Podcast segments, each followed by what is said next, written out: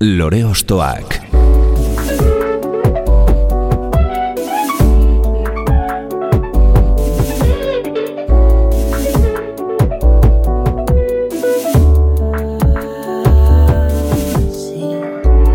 Ekain perezek aurkeztuta, gonbidatu bakoitza lore bat balitz bezala ostokatuko dugu. Jakiteko, zeintzuk diren bere lore ostoak.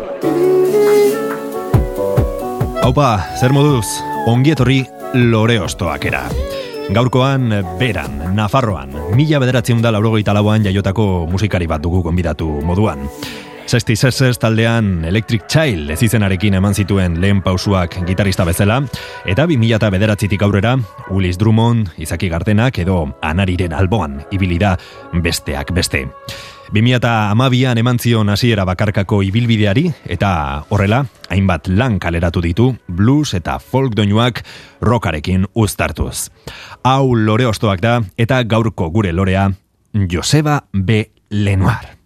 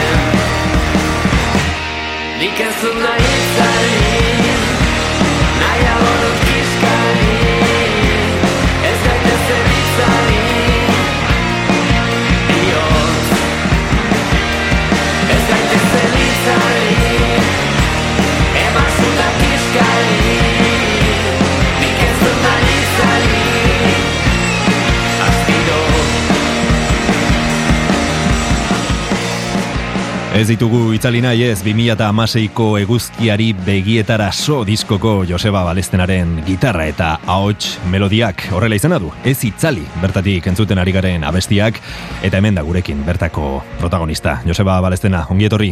Opa, eskerik asko. Abestian diozun moduan lurra jo arte jarraituko duzu kantuz, ezta? Ba, bai, bai, bai.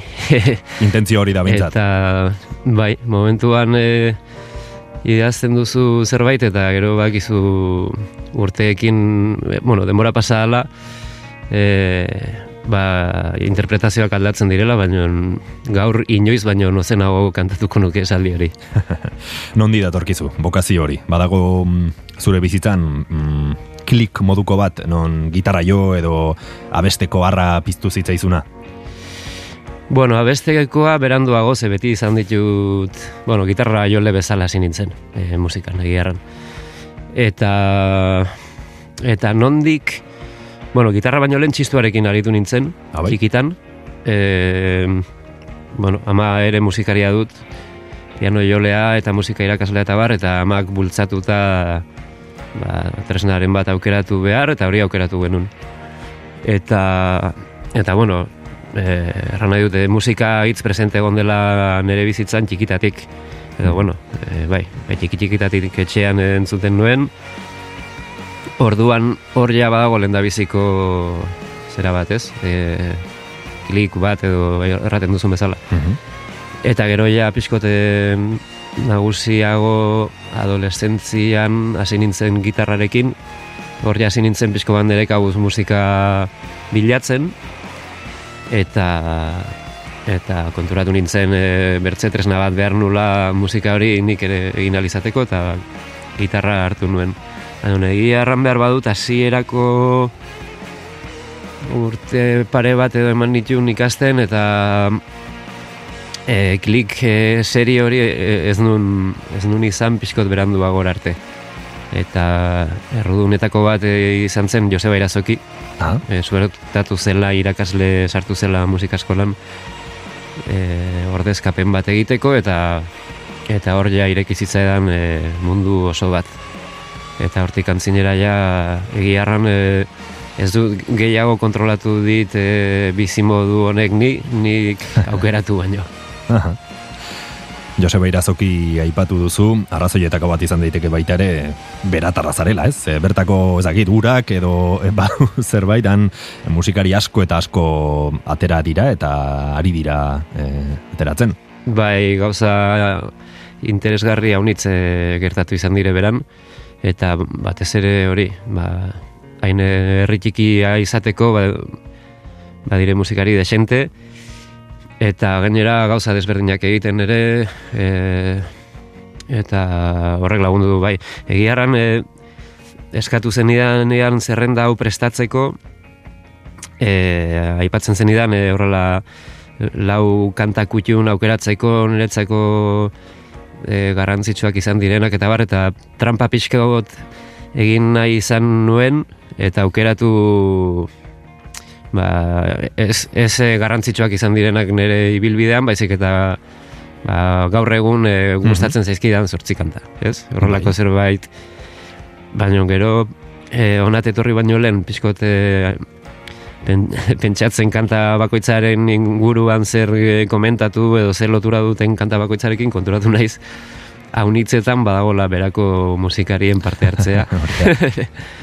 Naita edo Orduan- nahi gabe Bai. badago hor bera, berarekin lotura sakon bai, bai, ez? bai, bai, bai. Mhm.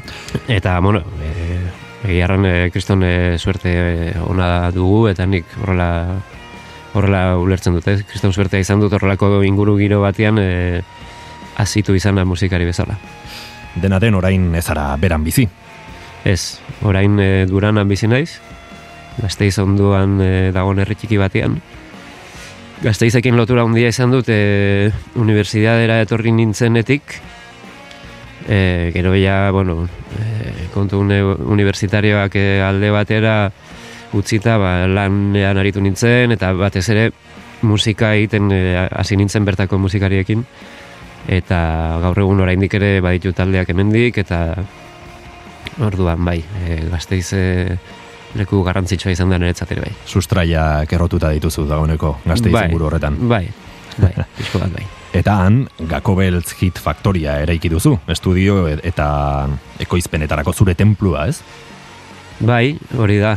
E, Gakobeltz Hit Factoria eraiki dugu, erran behar da pluralean, ze miren e, narbaiza ere kide da. Mhm. Eta bai, bien artean, pues, e, azken finean, e, musikari bezala e, ibili izan gara urte pila batetan, e, ba, ensaio lokala konpartitzen eta bar, eta eta azkenean e, ez genuen, konturatzen ginen ez genuela gure lana modu duin batean e, egiteko baliabiderik. Eta, eta azk, bueno, azkenean e, pixko bat serio jarri ginen horrekin, eta horretarako sortu genuen espazio hori. Eta egia da gure lanak sortzeko batez ere pensatu genuela martxan jartzea, baina baita ere nahi dugu izatea pixko bat e, elkartzeko e, espazio bat. Jende desberdinarekin, jende desberdinarekin e, elkartu eta musika sortu edo, edo sortutako gauzeak landu pixko eta aitzakia bat e, Mhm. Harremanak e, egiteko, ze azken finean haunitzetan ibiltzen gara gure kabuz, gure bakoitza gure zuloan sartuta, gure zilborrari begira, eta eta egiarran e, musikak ematen digun gauza ederrenetako bat da hori ez, e, jendearekin, jende berria ezagutu, eta, eta sormenari bultzadak eman. Joseba Balestena edo Joseba Belen Nuar dugu gaur gure artean eta iritsi da momentua bere lore ostoetan barena murgiltzeko. Lore ostoak. Zein izango da zure lore musikalarik enduko diogun lehen ostoa, Joseba? Ba, hasiko gara silitia taldearekin, uh eta lehen erran dizudan bezala, trampa pixkote egin nahi nuen, eta e, aukeratutako lendabiziko talde hau talde nahiko sortu berria da, eta nik deskubritu dut e, duela hilabete eskaz. Bai. Eta sekulako sorpresa ona eraman nuen, lendabiziko gauzak entzun ditu eta dagoeneko onartu dezaket e, engantzatuta nagola era bat, mm beraiek egiten duten musikari. Eta, bueno, ezakit, e, agitz gauza, ezakin dola erran, e, zera, komplejorik gabeko zerbait egiten dutela era bat, iruditzen zait. Bai. Eta eta gauza jarreraneko ganberro batekin eta gustatzen zaidana da guk e, ja urteak e, eramaki ditugu musika egiten eta haunitzetan pensatzen dut serio e, bueno, serio egi edo garrantzia haundi egia ematen diogula egiten dugunari eta eta justo entzuten ditudan abesti hauetan silitiaren abesti hauetan ikusten dut e, kontrako jarrera bat e, aitze espontaneoa eta itxura ematen dit e, sortzen dituzela bestiak eta eta sortu diren bezala horrela ematen dituzela argitara. Eta espontaneidade hori gustatuko litzaidake ikastea espontaneidade horretatik. Mm Jolas moduko bat egiten dute ez? Bai, hori da, jolas, jolas bat bezala, bai. Baina, karo, azkenean emaitza nire ustez eh, agitzuna da. Noski. Eta, eta kanta iruditzen zaizkit, e, abiletako haunitz, agitz kanta borobilak, entzuten ditut oi hartzuna gainera gustatzen zaizkidan e, gauza haunitze haunitzenak. Bai. Garai desberdinetakoak, estilo e, desberdinetakoak, eta dena koktelera batean sartuta bezala, eta dena e, zera, e, izaera propio batekin gainera. Hori da, osardia eta e, pertsonalitatea erakutsi dute benik behin, egin duten e, proposamenarekin, ez? E, talde asko eta asko daude mm, ia gauza bera egiten, eta hauek nolabaiteko disonantzia sortu dute gazteen tendentzia nagusiarekiko. Bai, eta jo, unitzetan pensatzen dute ja, azten naizela pixko zar sentitzen eta ez gustatzen E, hori sentitzen dut, ez dudanean konektatzen e, adin horretako jendeak e, egiten duen musikarekin eta horrela. Bai. Batzutan e, preokupatu preokupatzera hiletu izan naiz. eta posten naiz hauekin konektatu dala bete-betean. Mhm, gazte sentitzen zaitu ez, gazte bai. sentiarazten zaitu. Bai, dut gazte izaten. Noski baiet, noski baiet. Zea bestirekin entzungo ditugu? Ba, txumin loba abestia adituko dugu, agata diskokoa, e, disko hau da aurten ateri duten eh, lan luzea. Eta eta, gaztea maketa lehiaketa irabazi dute gainera 2008 bateko gaztea maketa lehiaketa. eren ere arridurarako ez nuen espero gaur egun e, gaztean gaztearen kriterioarekin bat egitea mhm.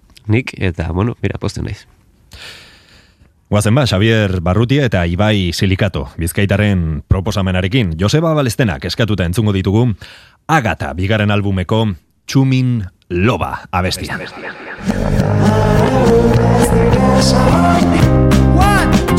Loba, etorri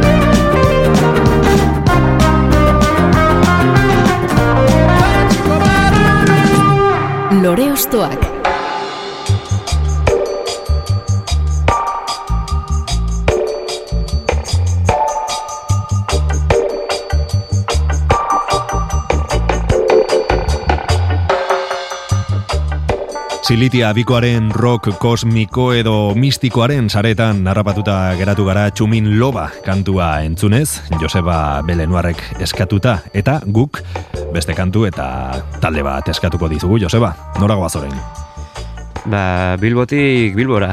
Aha, bertan, geratuko bertan, gara. bertan geldituko gara. Eta baita ere eferveszentzia puntu ederrean dagon talde batengana, bulk talde gana, hauek ja badituzte disko gehixeago eta orain e, kaleatz, kaleratze dute disko berria. Mhm. eta jo, egiarran e, ezagutu aspalditik ezagutzen nituen. Eta gustok, gustoko taldea nuen. Baina azken hilabetetan e, ikusteko aukera izan ditugu zuzenean.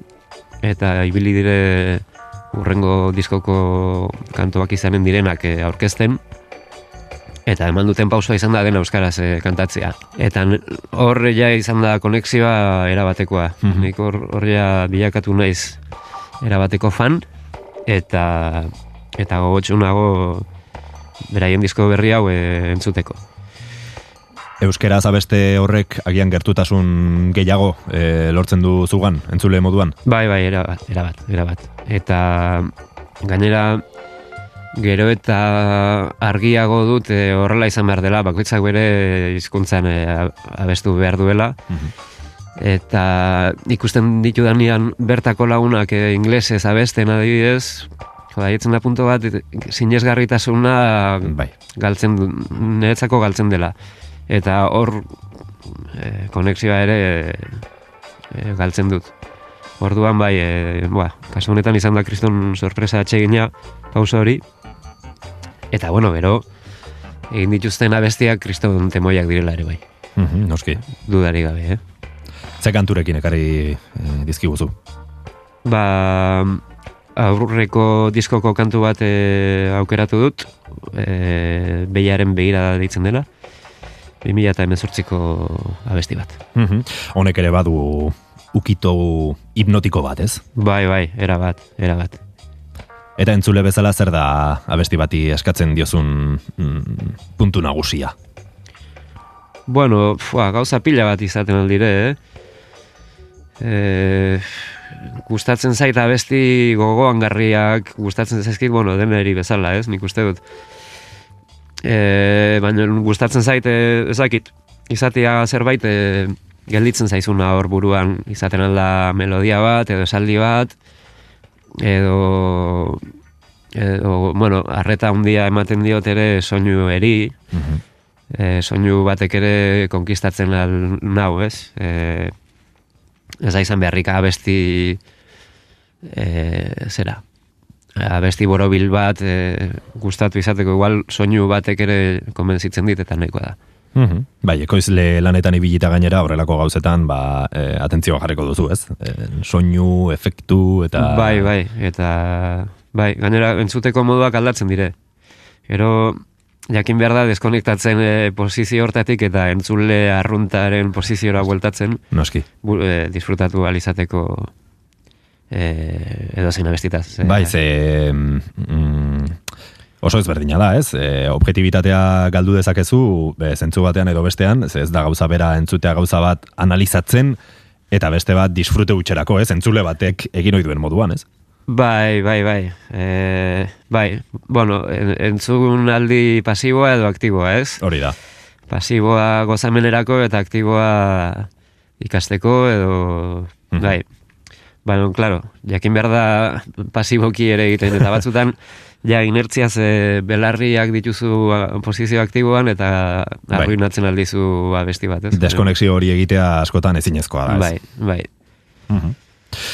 Ground for Dogs, 2018ko diskoan entzun daitekeen abestietako bat da. Beiaren begirada eta Bilboko laukoak ondutakoa da, arte derren fakultatetik, ateratako musikaren atzetik jarraituko dugu silitiaren ostean, bulk hartuta.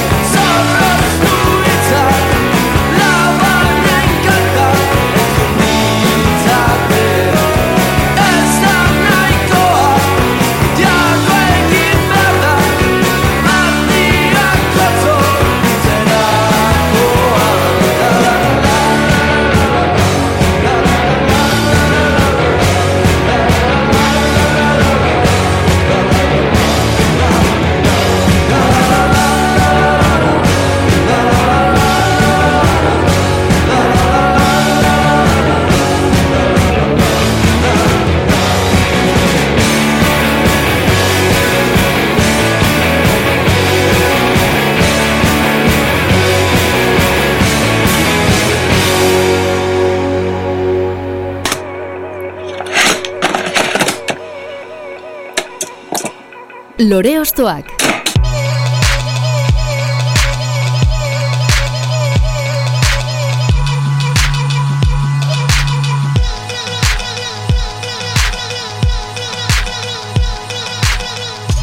Beiaren begiradari tinko heldu diogu aurrez aurre Bulken Ground for Dogs laneko abesti bikain honetan eta aurrez aurre Joseba Belenuar dugu gaurkoan liburu bat bezala zabaldu eta nota musikalak irakurri asmoz nor jarriko ditu urrengo doinuak Joseba Ba, horrengoa aukera, aukeratu dudana da nari.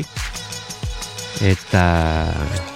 Eta, bueno, e, konexioa dago lehendabizi, ba, e, musika egiten hasi nintzen lehenbiziko urte hoien gatik. Sasoiaretan deskubritu nuen e, abiak diskoa. Eta, mm, bueno, gorduan ari ginen rock and rollarekin topera eta flipatzen genuen e, Skandinaviako taldeekin eta hola, high energy deitzen den horrekin eta bar. Eta ja, orduan agertu zen disko hau eta ezakit, pixkote erakutsi zidan e, musika egiteko modu desberdinak eta eta aipatzen ditun rock and roll talde hoietan e, aurkitzen nuen eh, en- energia jari hori ose, bertze modu ba- batzutara ere bizitzen laltzela eta hori horretatik haunitz erakutsi zian diskonek. Mhm. eta euskeraz ez gainera Eta euskeraz, bai, bai, bai, hori da. Mhm. Harreman berezia duzu anarirekin, e, e, entzule gisa e, kontsumitzeaz gain, orain gutxi esaterako bere efemeridea kantuan parte hartu duzu gitarra jotzen eta ekoizle lanetan. Bai, bai, bai, ba, e, sekulako paria izan da hori niretzat, e, erran bezala urte haietatik e, gaur egun arte egin du nibilbidea izan da ba, izugarria, osea, ikaragarria. Eta musikazale bezala e, mirestu dudana, ez? Eta gero bapatean e, berriki bueno, a- e, harremana narirekin e, lehenagotik e, dator eta eta konpartitu izan du estenatokia e, baten batean eta bar. Baina e, orain berriki ber, berragertu da nere bizitzan, ez? Gainera momentu nahiko klabe batean eta jode, e, efemerideak bezalako abesti puska bat berekin e, elkarrekin e, lantzea izan da sekulako opari ederra. Nola da berekin lan egitea?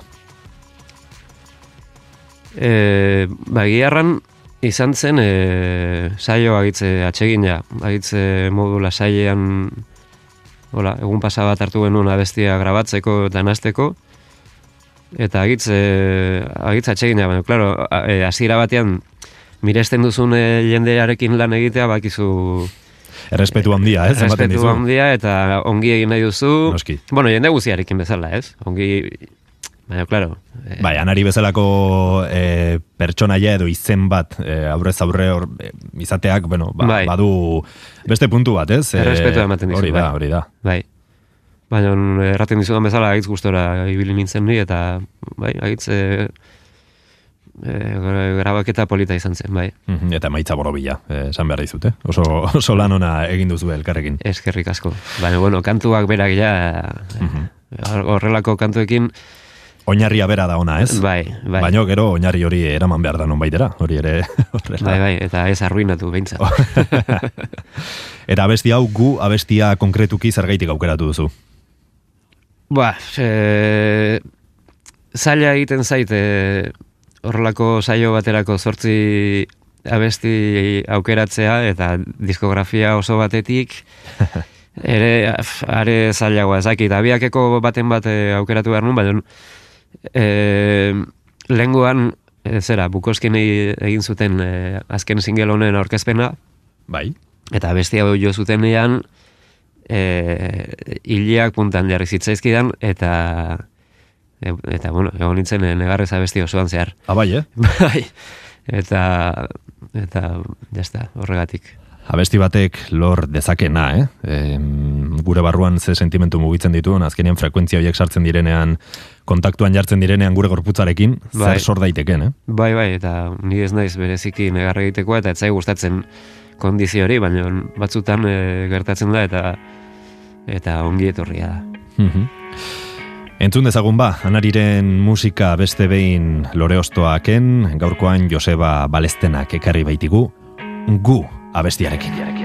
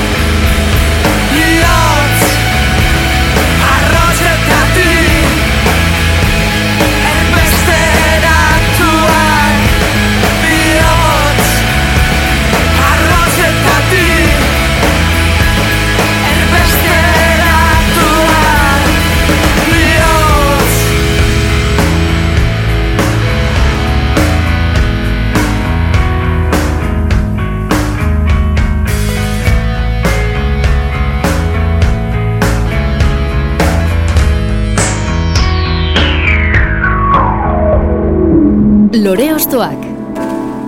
Gonbidatu bakoitza lore bat balitz bezala ostokatuko dugu.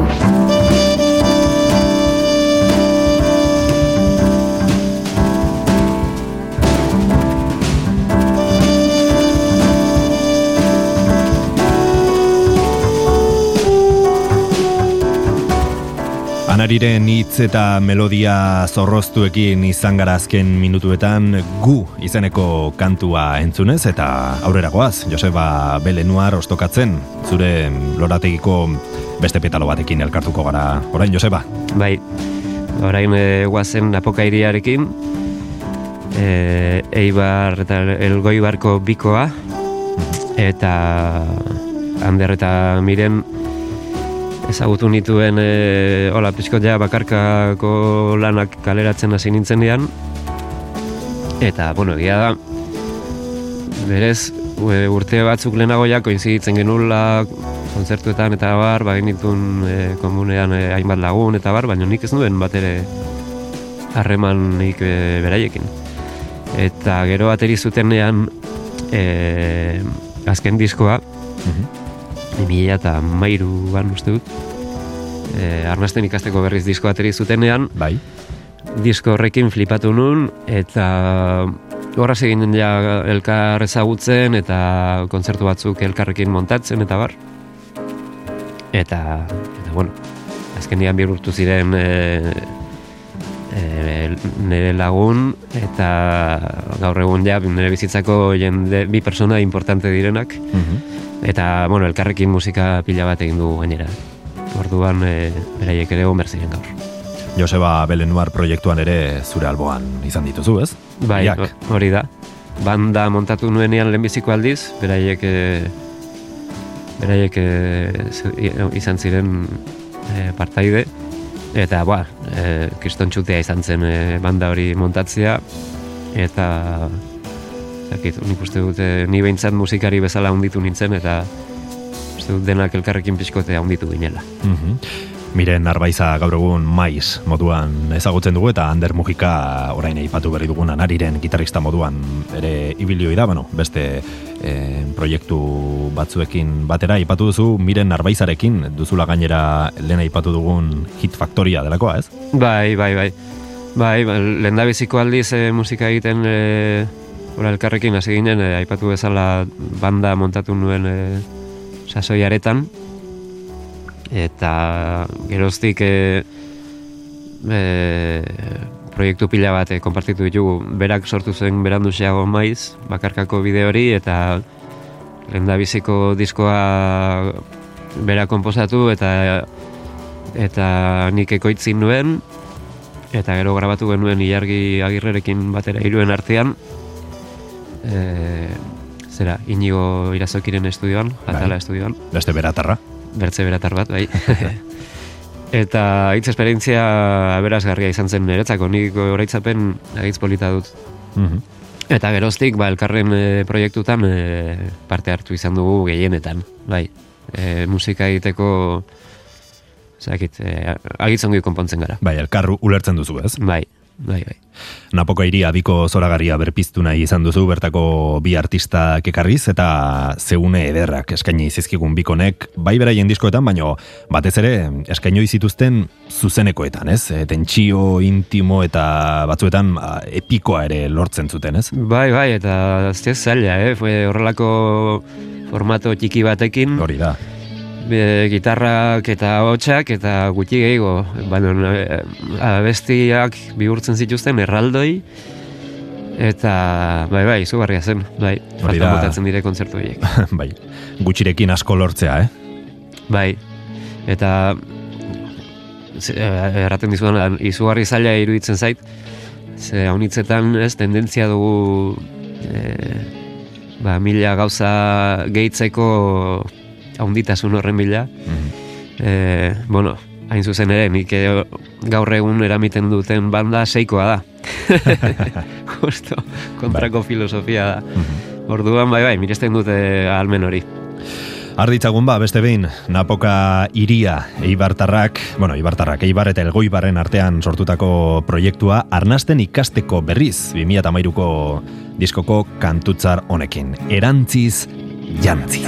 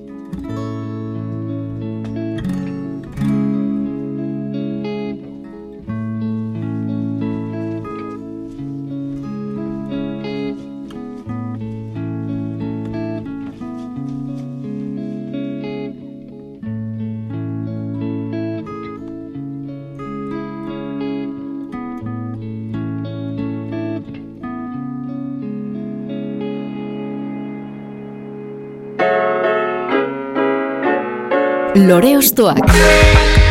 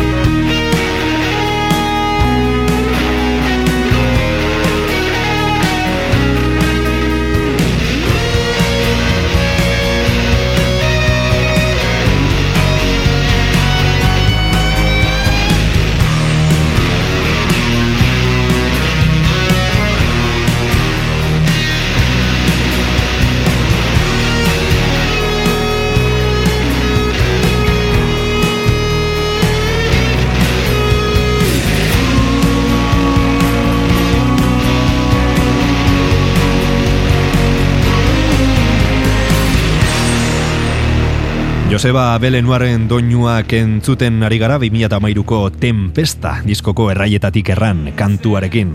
Zuk zeuk idazten dituzu zure hitzak, ez, Joseba? E, normalean bai. Eta ba, urrengo diskoan baditute e, bueno, iruko kolaborazio, eh? Egia erran. E, zera, Dani Irazokik eh, kolaboratu zuen abesti batekin, Mikel Larratxek eh, 66 sekoak ere egin letra bat, eta Miguel Narbaizak egin zuen bertze bat bai. Mhm. Beraz, Baina, bai, e, bertzela bai, baina egia erran kostatzen zaita unitz. E, hori, gehien kostatzen zaidan da, e, zera, letra txukun bat egitea. Bueno, edo letra bat. Erraietatik erran kantuan aipatzen duzun ari segika, lortzen duzu hitzez erraietatik erran nahi duzuna, adieraztea. Kostata, kostata. Bai.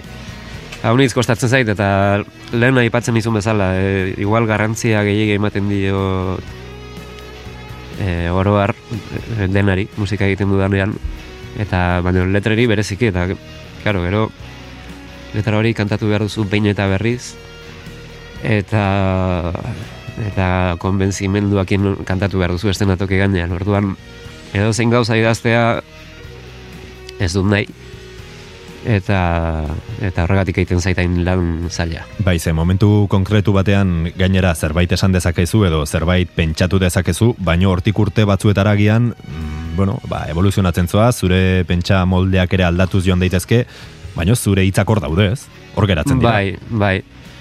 Dudari gabe, eta hori da, batzutan zentzua aldatzen zaio, eta igual e, bizitzak eraman zaitu leku batzuetatik, eta bapatean ulertzen duzu letra hori bertze zera, bertze perspektiba batetik, eta eta handiago bihurtzen da zuretzat, edo bai, eta era berean, bueno, eta batzutan ere gertatu izan zait, urtetara abestia entzun, eta eta pensatzea, joder, orain ulertzen dut ze erran nahi nuna, hitz horrekin. Zure burua ulertzen duzu, ez? Bai, bai, momentuan igual, bueno, baduzu ideia bat, baina ez duzu argi. Eta Bai. gero, ere gustatuko litzaidake letrak edo kontatzen ditudan gauzak izatea pixko e, ez argiegiak eta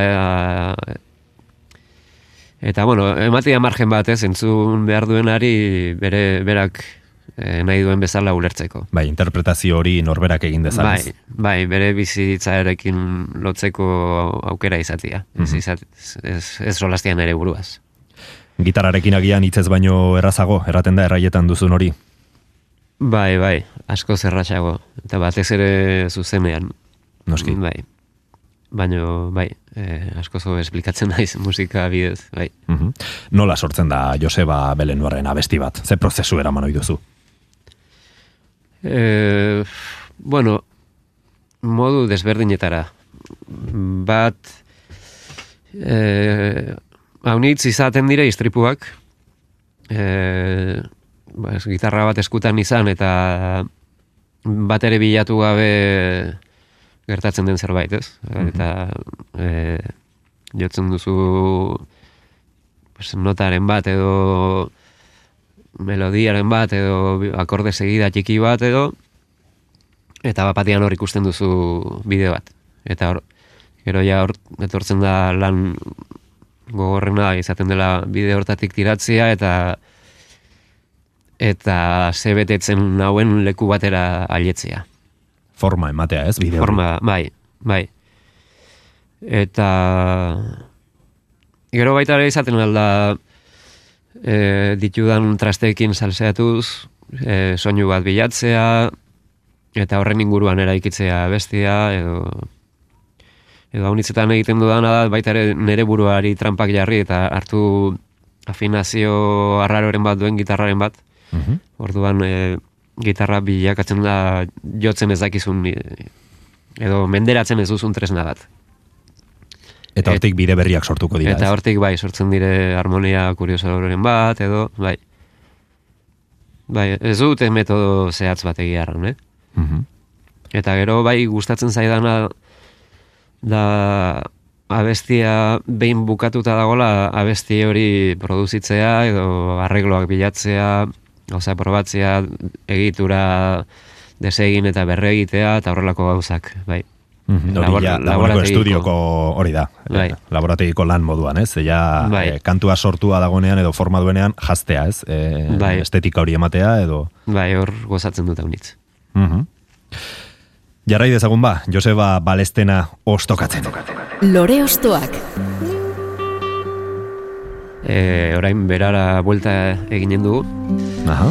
eta borrokan taldearen e, taldearen gana hurbilduko gara. E, ba, bueno, borrokan ere, fua, urte pila bat e, daramatzan taldea da. E, bueno, borrokan ezagutu nituen agitz gaztetan.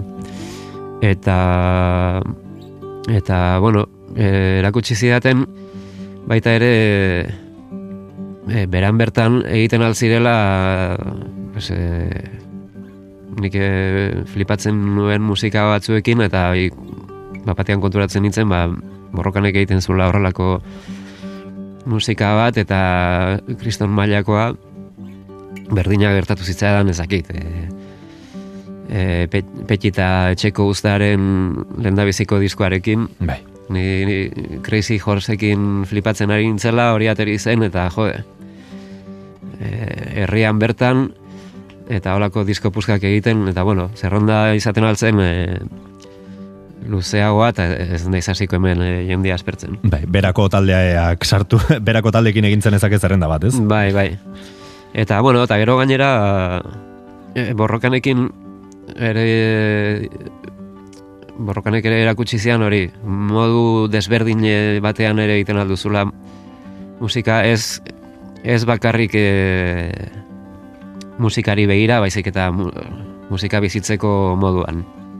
Nik uste dela e, talde e- ez ez komertzialena ezagutzen dudana segurazki bueno, esagerazio bada baina ezakit e, gaur egun batez ere ez, e, hainbertze saldu behar izaten dugula gure zera, gure merkantzia eta bar, ez? Pixkote forzatzen, ematen du forzatzen gatuztela horretara, eta justo kontrako jarrera batekin e, o, e, horlako ibilbidea egitea iruditzen zaite ba, txalotzeko ere bai. Mhm. Eta bueno, eta azkenean urteak pasatu hala, gero ba, borrokaneko ibai gogortza eta inigo teletxearekin musika egiteko aukera izan dut. Eta hori ere kriston eh, ikasketa ederra izaten ari da. Beratarrentzat erlijio moduko bat da borrokan taldea, ez? Bai, jendea haunitzentzat uste dut eh, badela. Eta, eta hori, kurioso da, ze zaila da borrokanen kontzertu bat antolatzea, adibidez, ez? Mhm. Naiz eta eskaintzak izan, eta bar, beraiek dute beraien erritmo propioa. Eta, eta hala ere, elkartzen diren aldiro, badute hor, e, zera, jarraitzaile talde handi bat e, zain. Mhm. Aipatu duzun, bueno, gaur egun dugun bizitzeko modua beti presaka em, e, kuriosoa da ez, laurogeita amaseian sortu zen taldea da, baino hiru disko besterik ez dituzte kaleratu. Mm, Hori da, hori da. Su motelean sukaldatzea gustatzen zaie. Bai, bai. Bueno, taldeak, gero egia da, baditula konexio eta deskonexio egoerak, ez? Mhm. Igual pasatzen dituzte ezak izen bat urte e, apenas ensaiatu gabe, eta gero elkartzen dire, eta hasten dire zerbait egiten. E, Eta baina- beste proiektuetan ere ibiltzen direla. Bai, bai, claro. Bai, bai. Ez ez dire, ez dire geldirik egotekoak. Lehen aipatu dugun bera herriaren emankortasun musikal horren erantzule nagusietakoak izan daitezke agian. Bai, bai, bai, eta bueno, aipatu dut e, tartean ibai gogortza dagola, e, hainbat taldetan aritzen da, ez? E, Joseba Irazokik egin ari da, maizekin ere ari da, eta, bueno, e, satelitik, badute hor bertze talde akustikoago bat, mila salsetan ibiltzen da, eta ez hori bakarrik, gero nik uste dute herriari ere aportatzen diola honitz, e, ba, bertze je- jende gehiagoarekin batera, hori ere da, baina beti urte pila bat e, daramatza hortan, ez, eta e, bazakit kontzer, kontzertuak antolatzen, eta eta bide horreri esker, ba, musika berria erakusten jendeari. Mhm. Erran behar dut, e, ba, hori, musika e, egiterako momentuan ere, berekin lan egitea izan dela deskubrimentu bat, e, bazakit, ba, bai kompos, komposatzeko moduan, edo musika ulertzeko moduan, e, bai, burua gitzargia. Barrutik ikuste horrek ez, Bai. E, beste modu batera ikusten dituzte agian gauzak eta eta Bai. ere ikasten duzu horrekin. Ba, ez, azken finean e, haunitzetan bukatzen dugu inertzietan erortzen ez, eta igual e, gauzak errepikatzen eta eta adibidez e, berekin e, bai, ikasi dut hola, bizi horietatik ateitzeko bide berriak bilatzen. Mhm. Joseba Lertxundi, Iñaki Iratzoki, Ibai Gogortza, Mikel Lertxundi eta Inigo Teietxearen proposamenarekin goaz ba, beran Joseba Balestenaren jaioterrian urrengo geltokia eginez. 2008ko zuak diskotik hartuko ditugu borrokan. Hau da, orain. Orain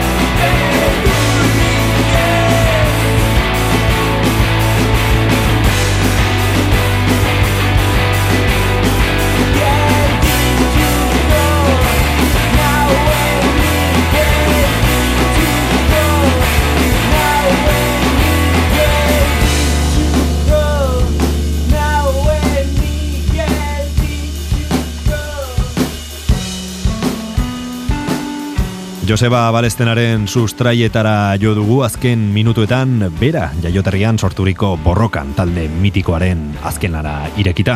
Eta jarraian datorkigunak gazteiztarra izan arren bera zure herriarekin ere harreman zuzena izan du.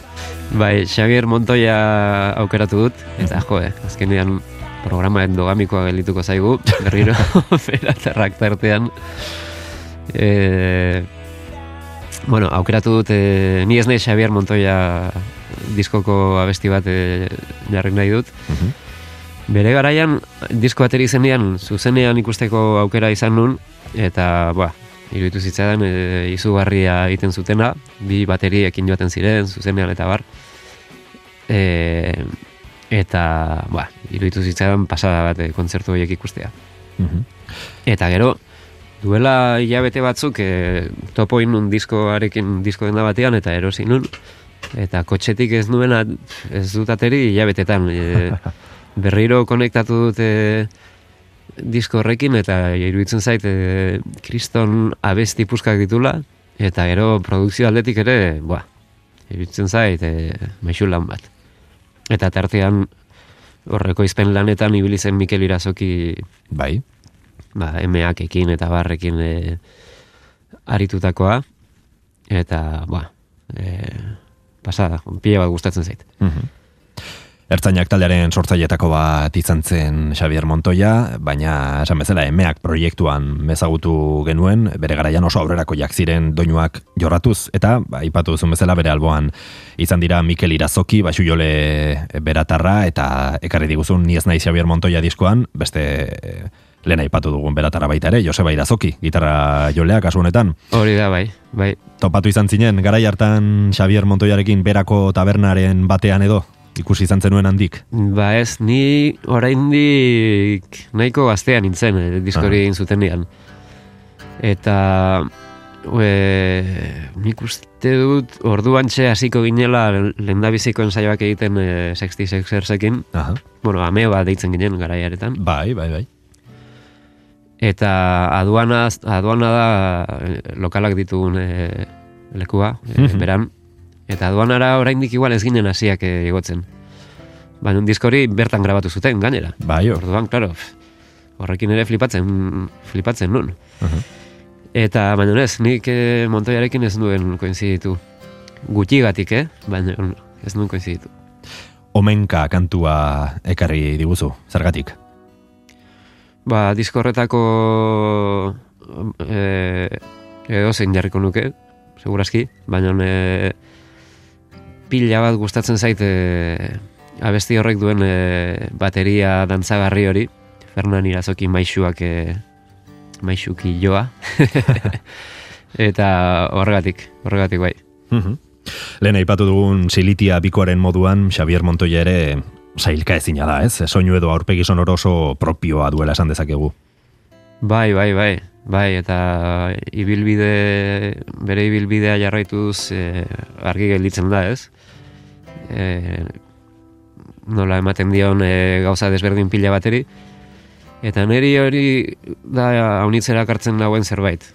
E, ezakit, ni zentzu horretan e, nahiko ipurterrea naiz, e, segituan e, aspertzen naiz, e, gauza berdina bi, egiten, bi aldiz egiten badut aspertzen naiz, eta orduan entzule bezala ere horrelako jendea gustatzen zait pila bat. E, gauza desberdinak frogatzen joaten den jendea, baina nera berean beti koherentzia batekin eta hots propio batekin. Eta uste dute Montoiak hori ederki egin dula. Entzun dezagun ba, Xavier Montoyaren 2002ko bakarlan hartatik, abesti hau. Omenka.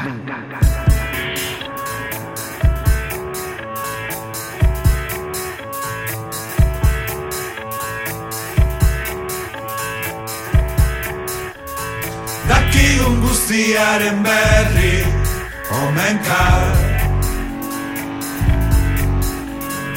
Dakigun guztiaren berri Omenka Eta munduan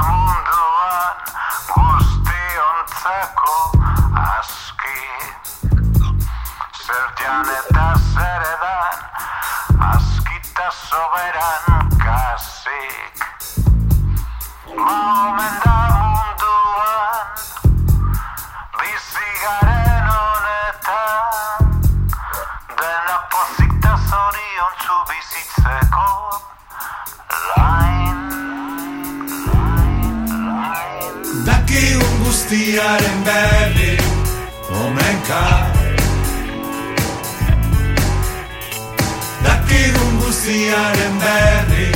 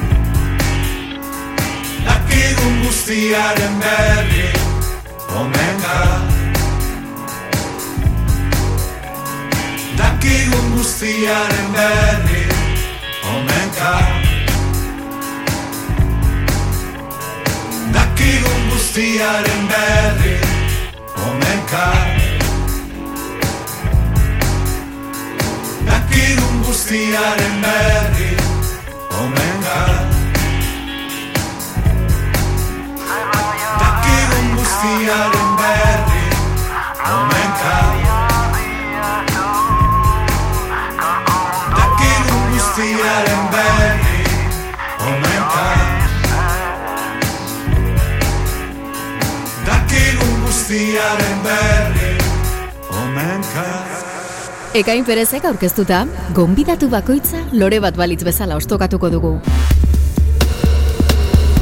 Lore ostoak.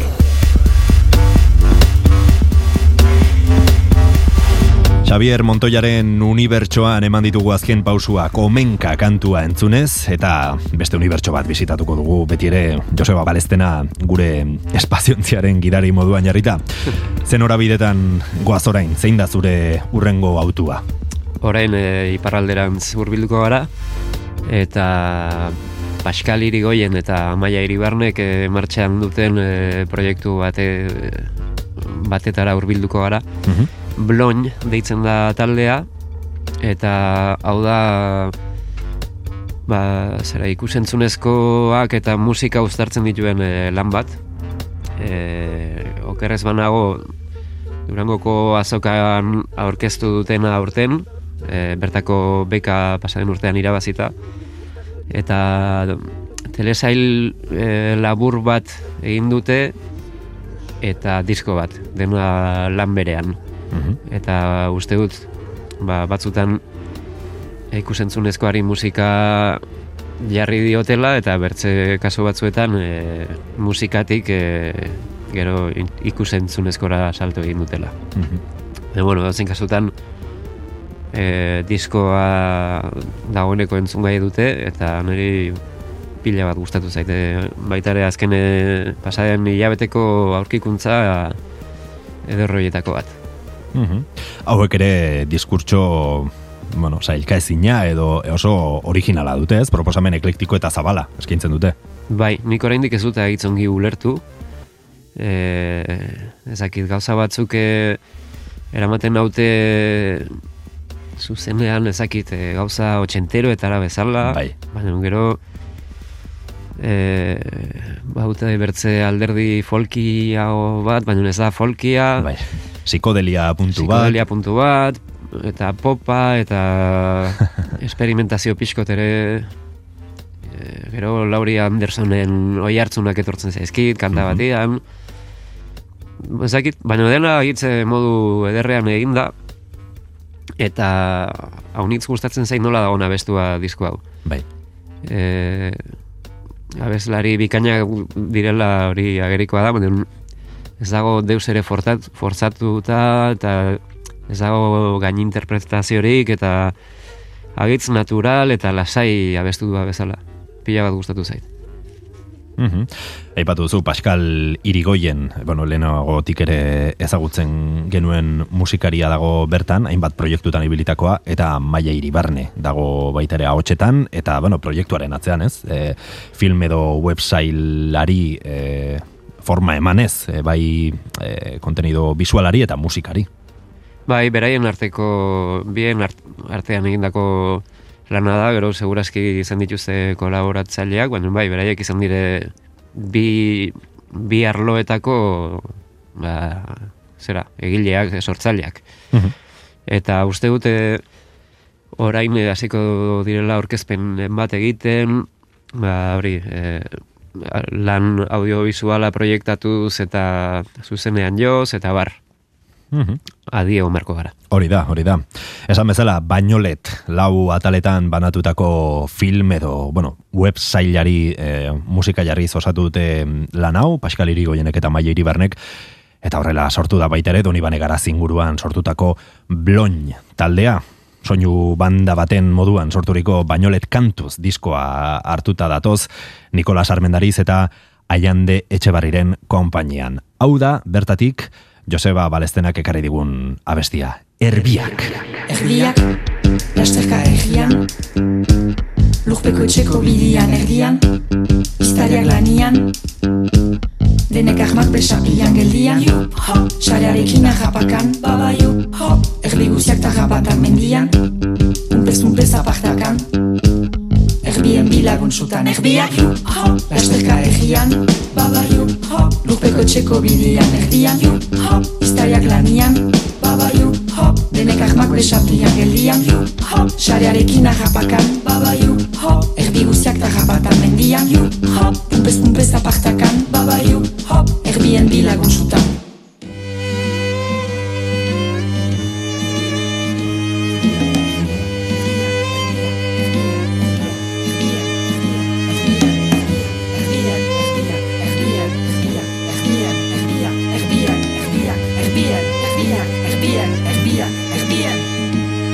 Erbiak, lasterka egian Lurpeko etxeko bidian erdian Iztariak lanian Denek ahmak besapian geldian Xarearekin arrapakan Erdi guztiak tarrapatan mendian Pumpez pumpez apartakan Erbien bilagun sutan Erbien bum, bum, ba, ba, ba, bum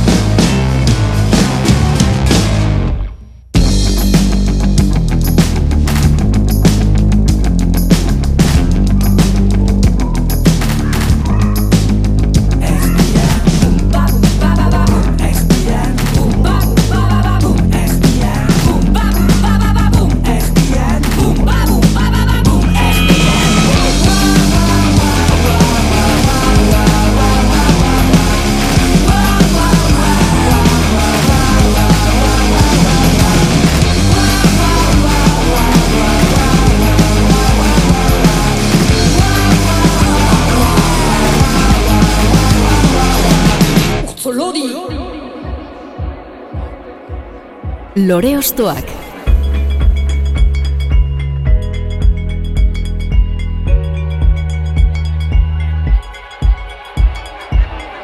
Erbien moduan korrika izan gara iparraldean bloin taldearen erbiak kantua entzunez eta iparraldean ez, baino gertu ondarribian Joseba Ponzek bultzatutako proiektu batekin emango digu amaiera zu astokatzeko bideari, ezta? Hori da bai, e, kuraiaren abesti bat e, adituko dugu. Eta bai, hau e, lotura zuzena du gure musikari bezala emandako lendabiziko pausoekin. Mhm.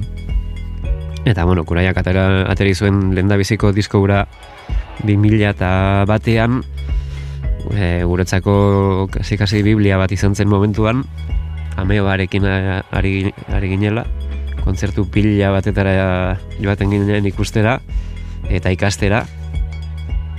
Eta eta bueno, gero e, oroitzapen bat dut gainera amebaren ensaio haietan batzutan e, bateriak e, kale egiten zuen, orduan e, bateriak e, baterian postua borrokatzen genuen denek, eta eta e, oroitzen dut haunitzetan abesti hau e, ezin gelditu izeneko abestia jotzen genula, Ah, eta bueno, saiatzen nintzen ni behintzat bateriakin e, jotzen, auskalo zer ateriko zen, baina ederki pasatzen genuen. Claro, kariño berezia dizu, diozu beraz, e, Bai. garaiaiek gora ekartzen badizkizu. Bai, bai. Zamazazpi urte zen euskan disko hau kaleratu zenean. Bai, horixe. Bai, nola, bai. zen, nola zen Joseba Balestena, amazazpi urterekin? Nola oroitzen dituzu urte haiek? Puf. E... Zera, inozentzia handiko gazte bat. Bezala oroitzen dut, e, uste dut, gaitz inozentzia handiko gaztean nintzela. Eta... Eta... Era berean edo horreri esker, segurazki bizipoz handikoa. Mhm. Eta eta bueno, orduan txe deskubritzen ari nintzen e, mundu berri bat e, musikaren mundu berri bat eta lagun talde berri bat egiten. Orduan e, gauza pila bat ikasten eta dena e, zena hitza apasionantea niretzako ez? E, bai lagunak, bai konpartitzen genitun diskoak e, egiten genitun planak, kontzertuak. Bai, hori dena. Ein handi batean gaur zarenaren lehen mm, pausuak ematen ari zinen, ez? Bai, bai, dudari gabe. E, pauso haiek gabe ez nintzen gaur hemen egonen e, kantoa hau hartzen hori seguru. Bai, bai. Bai, Euskal Rockaren garapenean talde oso garrantzitsua da em, kuraia, aipatu diguzuna, eta zugan ere influentzia zuzena izango zuen, aipatu duzun bezala. E, Bai, bai. Sixesen e, hasiera haietan, eta bueno, Bai, bai, guri, bueno, nik uste dut bide bat ireki zigula. Bai, kuraiak, eta gero, bueno, kuraiako kideek e, dituzten bertze talde pila hori ere, ez? Mhm. Ez duten zale izugarriak ginen ere, bai? Eta kasalizek egin ditun gauzen zaleak ere bai, anestesiarenak, Bai. egu horriakenak ere bai, klaro. Mhm. Eh, eske hor, eh, hor, eh, ba, bazegoen eh, talento handia. bai, super talde bat zen, ez? Azken Bai, finean. bai, bai. Punk rockaren eta irurogeita amareko hard rockaren oinarrietatik abiatuta sortu zen Kuraia supertaldea Joseba Ponce, Mikel Cazalis, Fernando Sapo eta Galder Izagirrek osatuta. Eta 2000 eta bateko estreinu lanetik entzungo dugu hain zuzen, ezin gelditu.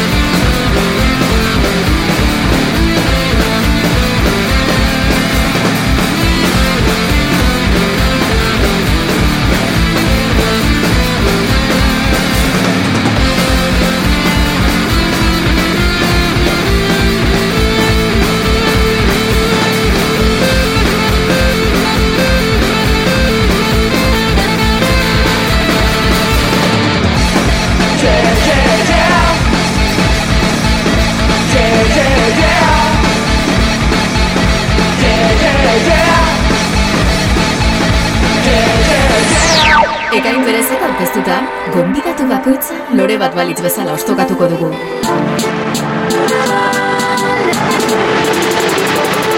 Lore ostoak.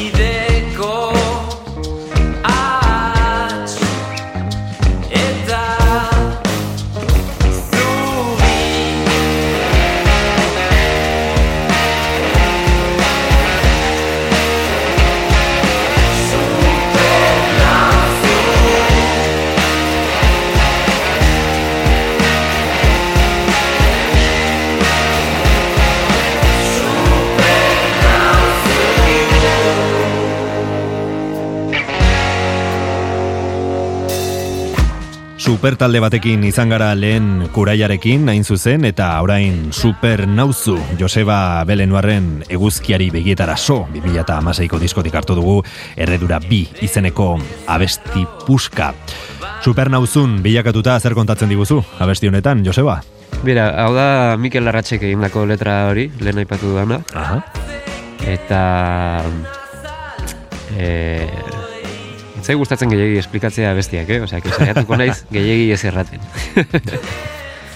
Baina, disko berean badago erredura bat izeneko abestia. Bai. Eta abesti hori diskoa kaleratu baino lehen ja e, zuzenean e, jotzen genuen. Eta Mi- e, Mikelek segituan harrapatuzun abesti hortako historia eta e, erredura bi supernauzu hau da Mikelek horreri egindako arrapostua. Aha. Eta, bueno, ezaki, e, pixkote pasatako garaileri begira kantatzen nun nik, eta horreri ematen dio buelta Mikelen letrak bai. Mhm. e, bai ez dut gehi gozako dugu. bueno, ba, horrutziko dugu. Bakoitzak entzun dezala bestia eta bere... Interpreta ezala. Bai, be, bai, hori da. Mhm, bueno, kantu ederra da, minik behin, hori eh, azpimarratu behar dago. Lehen galdetu izutia gitararekin edo hautsarekin espresatzen zaren hobekiago, hemen biekin ezin hobeto egiten duzu eta kantuaren bukaera aldera gitarrak protagonismo oso hartzen du beste behin. Noiz hasi zinen gitarra jotzen? Ba, mala urtekin uste dut e, hasi nintzela, bai, mala urte inguru.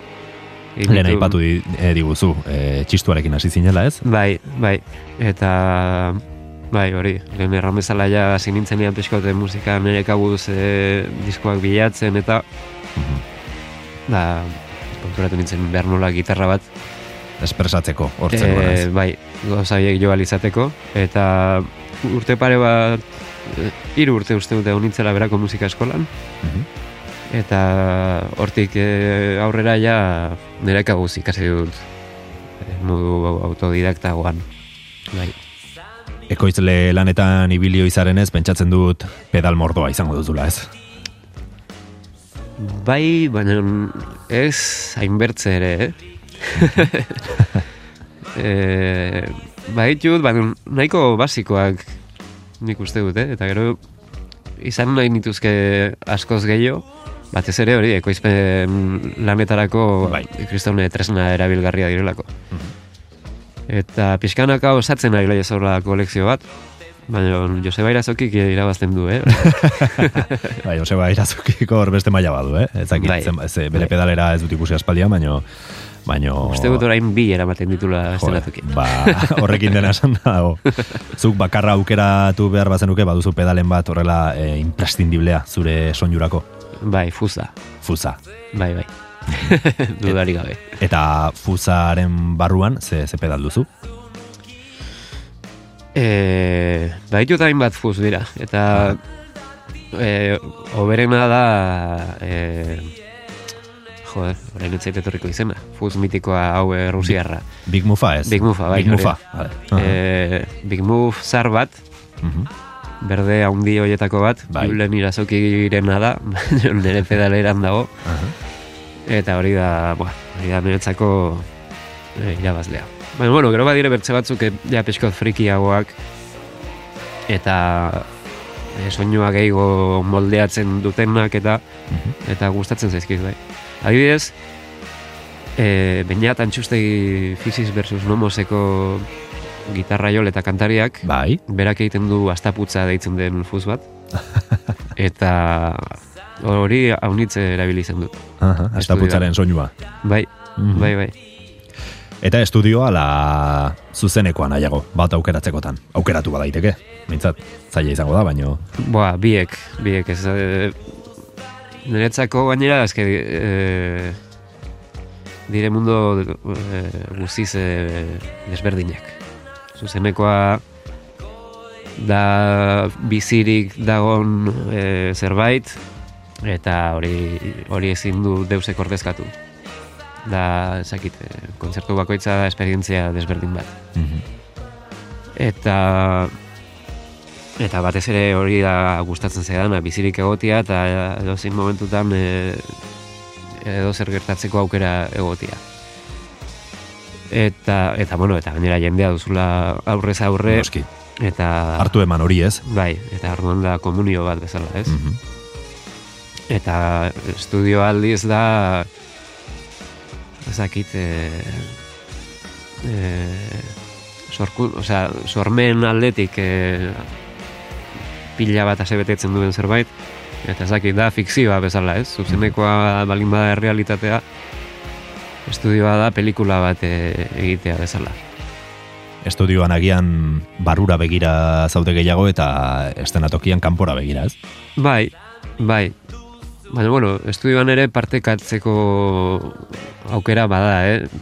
Normalean nik gehiago egiten dut barrenera begirako zerbait, baina estudioan elkartzea hainbat lagun eta lan hori bera e, konpartitua izatea ere ederra da. Adibidez, e, maizen urrengo diskorako e, ibili ginen e, saio batzuk egiten, aurreko espen saio batzuk.